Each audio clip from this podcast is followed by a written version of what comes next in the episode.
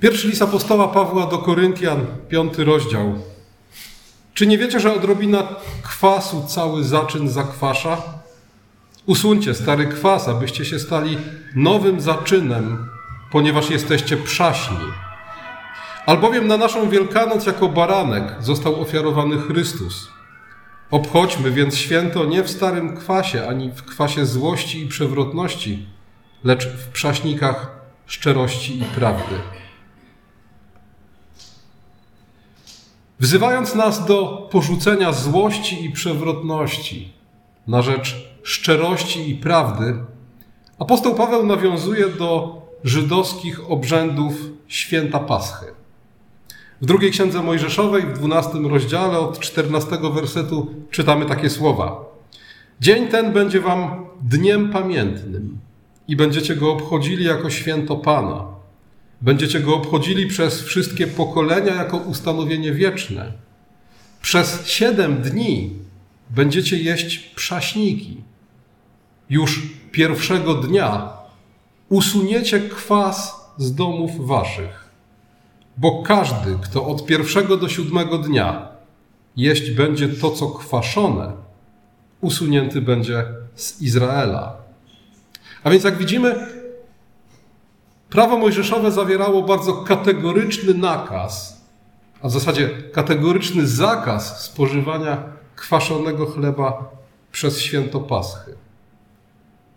Pod najsurowszą karą, usunięciem z ludu Bożego, pod karą ekskomuniki nie wolno było nie tylko spożywać kwaszonego chleba przez te siedem dni, nie wolno było posiadać kwaszonego chleba. I dlatego usuwanie resztek kwaszonego chleba z domu, nawet jego najdrobniejszych okruszków, jest pierwszym obrzędem święta Paschy. Od tego, od tak zwanej rewizji chamecu, czyli chleba kwaszonego, Żydzi rozpoczynają świętowanie Paschy.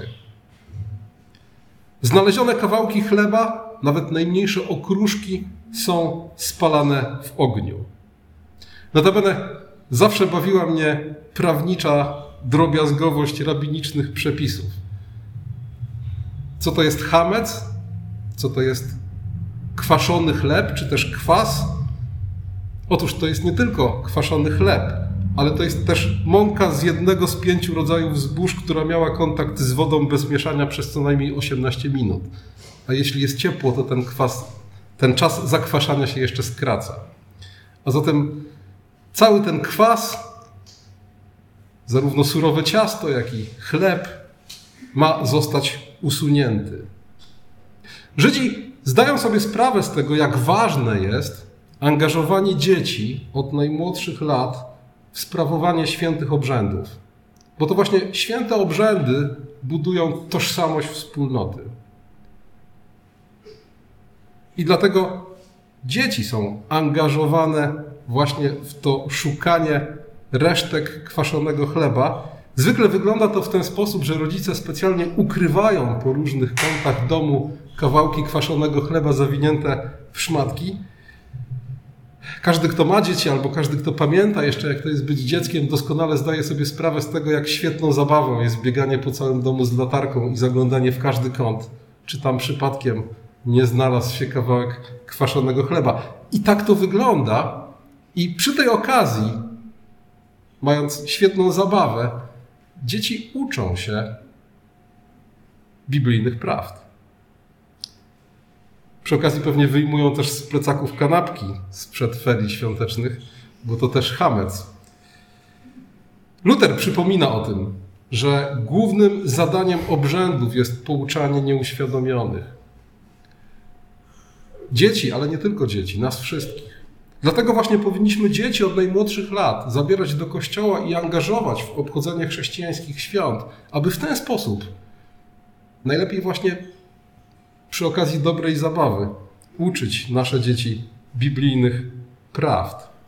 Jeśli weźmiecie do ręki Haggadę, czyli taki scenariusz domowej liturgii święta Paschy, to zobaczycie, jak zręcznie przeplata ona powagę i dostojeństwo święta z radością i zabawą. W Hagadzie są uroczyste modlitwy. Są psalmy, notabene te same, które śpiewamy dzisiaj. Są różnego rodzaju symboliczne gesty, ale jest też dobre jedzenie, wino, zabawne piosenki, dziecięce wyliczanki, konkursy, a nawet obrazki. Tak właśnie powinny wyglądać uroczystości, świąteczne uroczystości w naszych domach.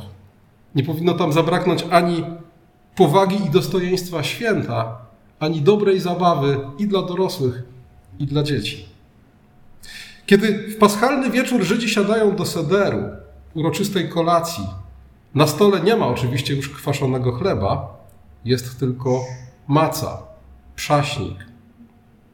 Jednym z głównych punktów sederu, wieczerzy sederowej, jest opowieść o wyjściu Izraelitów z niewoli egipskiej. Najmłodszy uczestnik sederu, najmłodszy spośród tych, którzy potrafią mówić, zadaje pytanie, czym ta noc różni się od wszystkich innych nocy? I to główne pytanie, które pada, jest wprowadzeniem do czterech kolejnych pytań dotyczących obrzędów nocy paschalnej. I pierwsze z tych czterech pytań dotyczących obrzędów brzmi: Każdej innej nocy możemy jeść chleb kwaszony lub niekwaszony. Tej nocy jedynie niekwaszony. Dlaczego? Głowa rodziny odpowiada: Byliśmy niewolnikami faraona w Egipcie. I od tych słów rozpoczyna opowieść o wyprowadzeniu Izraelitów z ziemi egipskiej. Ta opowieść nawiązuje do piątej księgi Mojżeszowej, do szóstego wersetu, gdzie Mojżesz mówi tak: A gdy twój syn zapyta cię kiedyś, co to za nakazy, ustawy i prawa, które nakazał wam Pan Bóg wasz, to odpowiesz twojemu synowi: Byliśmy niewolnikami faraona w Egipcie. I Pan wyprowadził nas z Egiptu możną ręką. Niesamowitym elementem, niesamowitym aspektem tej opowieści jest to, że głowa rodziny nie mówi nasi ojcowie, nasi przodkowie kiedyś, dawno temu byli niewolnikami faraona w Egipcie. Mówi, my byliśmy niewolnikami. Nas Bóg wyprowadził z Egiptu. Ten sposób opowiadania otwiera nas na symboliczne i typologiczne odczytanie opowieści o wyprowadzeniu z Egiptu. To już nie jest tylko historia, która przydarzyła się dawno temu naszym przodkom. My wszyscy byliśmy niewolnikami grzechu i śmierci. Nas wszystkich Bóg z tej niewoli możną ręką wyprowadził. Ale wracając do pytania o kwaszony chleb. Druga Księga Mojżeszowa, 13 rozdział, 7 i 8 werset. Przaśniki będziecie spożywać przez siedem dni. Nie znajdzie się u ciebie nic kwaszonego i nie znajdzie się u ciebie kwasu w obrębie wszystkich granic twoich. Stąd ten zwyczaj szukania hamecu. Chodzi o to, żeby na całej naszej posiadłości nie znajdowała się ani okruszyna tego kwaszonego chleba. W tym dniu opowiadać będziesz synowi swemu, mówiąc: Jest tak z powodu tego, co uczynił Pan, gdy wychodziłem z Egiptu. Z kolei w piątej księdze Mojżeszowej, w szesnastym rozdziale od drugiego wersetu czytamy: Złożysz na ofiarę paschalną dla Pana Boga Twego owce i bydło w miejscu, które Pan wybierze na mieszkanie dla imienia swego. Nie będziesz przy niej, czyli przy tej ofierze paschalnej, jadł zakwaszonego ciasta przez siedem dni. Będziesz jadł przy niej przaśniki, chleb nędzy, gdyż w pośpiechu wyszedłeś z ziemi egipskiej, abyś pamiętał dzień Twego wyjścia z ziemi egipskiej przez wszystkie dni Twojego życia. Dlaczego przaśniki są nazywane chlebem nędzy? To jest temat na inne rozważanie. Ale tak czy inaczej, z tych tekstów widać jasno, że kwas zaczyna funkcjonować jako symbol grzechu. Używanie kwaszonego chleba podczas kultu jest ściśle reglamentowane. Kwaszony chleb może się pojawić, a w zasadzie nawet powinien się pojawić przy ofierze biesiadnej i przy ofierze z pierwocin, ale w żadnym innym wypadku. Przy najświętszych ofiarach nie mogło, nie, nie, nie mogli Izraelici używać kwaszonego chleba. Kwas stał się symbolem grzechu i zepsucia. I dlatego, aby godnie obchodzić święto Paschy, święto uwolnienia od grzechu i śmierci, z niewoli grzechu i śmierci, Izraelita musi oczyścić swój dom z kwasu, musi oczyścić swoje sumienie z grzechu. Bo tak naprawdę oczyszczenie domu z kwasu jest symbolem oczyszczenia sumienia z grzechu. Usuwanie hamecu symbolizuje nawrócenie, porzucenie grzechu. A grzech jest jak kwas. Apostoł Paweł pyta, czy nie wiecie, że wystarczy odrobina kwasu, żeby zakwasić całe ciasto? Czyli krótko mówiąc, czy nie wiecie, że wystarczy odrobina grzechu, żeby całe życie wasze skazić? W tym właśnie kontekście, mając na uwadze cały ten ładunek symboliczny, apostoł Paweł mówi: usuńcie stary kwas, abyście stali się nowym zaczynem. Na naszą Wielkanoc ofiarowany został Chrystus.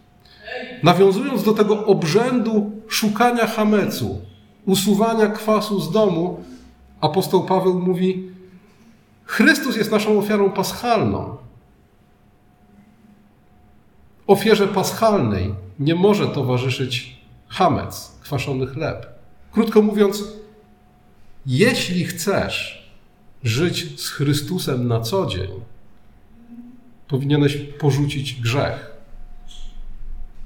Chrystus w Twoim życiu domaga się tego, żebyś usunął ze swojego życia grzech. Tak jak kwas nie mógł towarzyszyć ofierze paschalnej, tak życie w grzechu i życie z Chrystusem wykluczają się. Chrystus jest naszą paschą.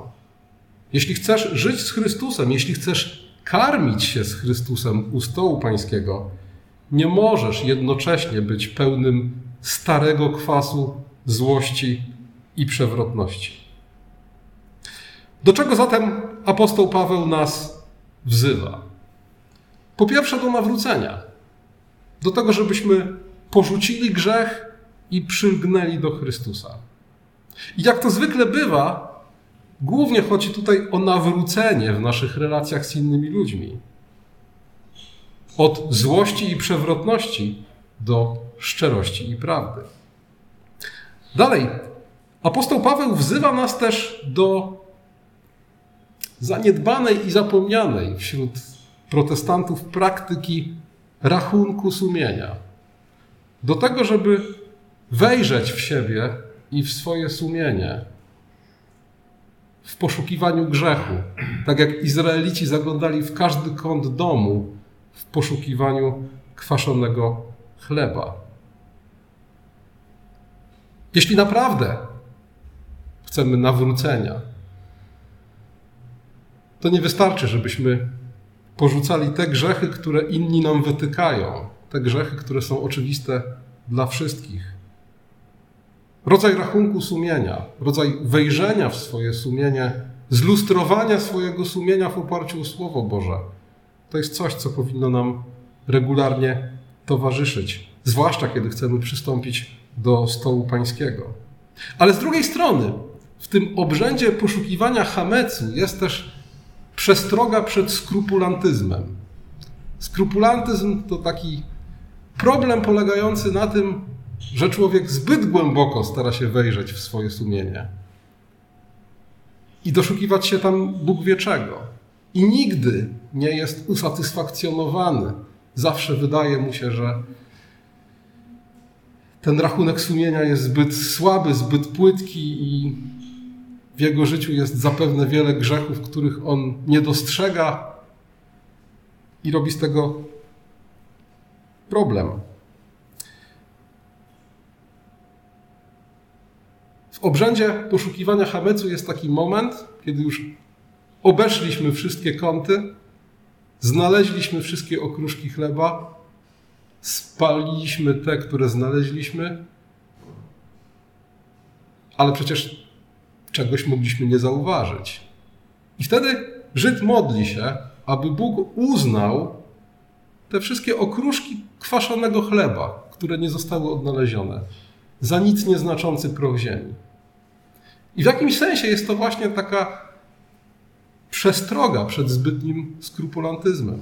Kiedy badamy swoje sumienia w oparciu o Słowo Boże, przychodzi taki moment, w którym może musimy powiedzieć: Panie Boże, swoje sumienie zgodnie z Pismem Świętym zbadałem. Wybacz mi moje grzechy, które są, nie są jawne przede mną, które są przede mną ukryte. Dokładnie takimi słowami modli się zresztą Dawid w psalmach. A zatem obrzęd poszukiwania Hamecu, od którego rozpoczyna się święto Paschy, niesie olbrzymi ładunek dydaktyczny. Przypomina nam o tym, że jeśli chcemy się w dniu święta spotkać z Bogiem, jeśli chcemy spotkać się z Chrystusem u stołu Pańskiego, powinniśmy odrzucić grzech. Jeśli chcemy spożywać ofiarę paschalną Chrystusa, tej ofierze nie może towarzyszyć kwas złości i przewrotności. Stąd rachunek sumienia, nawrócenie, porzucenie grzechu. Warto też pamiętać o kontekście, w jakim apostoł Paweł te słowa do nas kieruje. Kontekstem są oczywiście poważne problemy Kościoła w Koryncie. Rozłam, kłótnie, niemoralność i brak dyscypliny kościelnej, która pozwoliłaby oczyścić Kościół od jawnych grzechów. Bezpośredni kontekst tego Pawłowego wezwania to właśnie kontekst braku dyscypliny. W kościele korynckim pojawił się człowiek, który żył niemoralnie, a Kościół na to nie reagował. Ten człowiek nie został poddany kościelnej dyscyplinie. I to w tym kontekście apostoł Paweł mówi: usuńcie stary kwas. Kilka wersetów dalej mówi: usuńcie złego spośród was samych. Bo ostateczną formą dyscypliny kościelnej wobec tych, którzy nie chcą porzucić jawnego grzechu, w którym żyją, jest ekskomunika. A zatem kwas, który zakwasza całe ciasto, to nie tylko grzech w moim życiu, który zakwasza, niszczy moje życie, ale to też również grzech we wspólnocie, który wtedy, kiedy nie jest piętnowany i poddany dyscyplinie, staje się kwasem, który zakwasza całe ciasto. Kościół, który ma być przaśnikiem, staje się kwaśnym chlebem, który nie może leżeć na paschalnym stole obok paschalnego baranka. Ten kontekst, w jakim apostoł Paweł kieruje do nas słowa o porzucaniu starego kwasu, przypomina nam o tym, że grzech niszczy nie tylko człowieka, ale też wspólnotę. I tak jak każdy z nas jest wezwany do tego, żeby w swoim osobistym życiu dokonywać takiego poszukiwania hamecu, porzucać kwas złości i przewrotności na rzecz szczerości i prawdy, dokładnie do tego samego wezwani jesteśmy jako wspólnota. Do tego, żeby piętnować grzech, do tego, żeby usuwać grzech wszystkimi narzędziami kościelnej dyscypliny. Od braterskiego, łagodnego napomnienia, aż po ekskomunikę, wtedy, kiedy jest to konieczne. A zatem porzućmy złość i przewrotność i przylgnijmy do szczerości i prawdy. Porzućmy stary kwas. Stańmy się przaśnikami dla Boga. Ta zmiana w życiu poszczególnych ludzi i wspólnot jest możliwa tylko dzięki temu, że na naszą Wielkanoc jako baranek został ofiarowany Chrystus. Dzięki krwi baranków zabitych w dniu pierwszej Paschy Izraelici mogli uniknąć śmierci i opuścić dom niewoli. Dzięki krwi baranka Bożego, którym jest Chrystus, my możemy być wolni. Jego krew uwalnia nas od nadchodzącego sądu. Uwalnia nas od tego, co w dniu nadchodzącego sądu mogłoby nas spotkać i uwalnia nas do wolności, do wolności dzieci Bożych.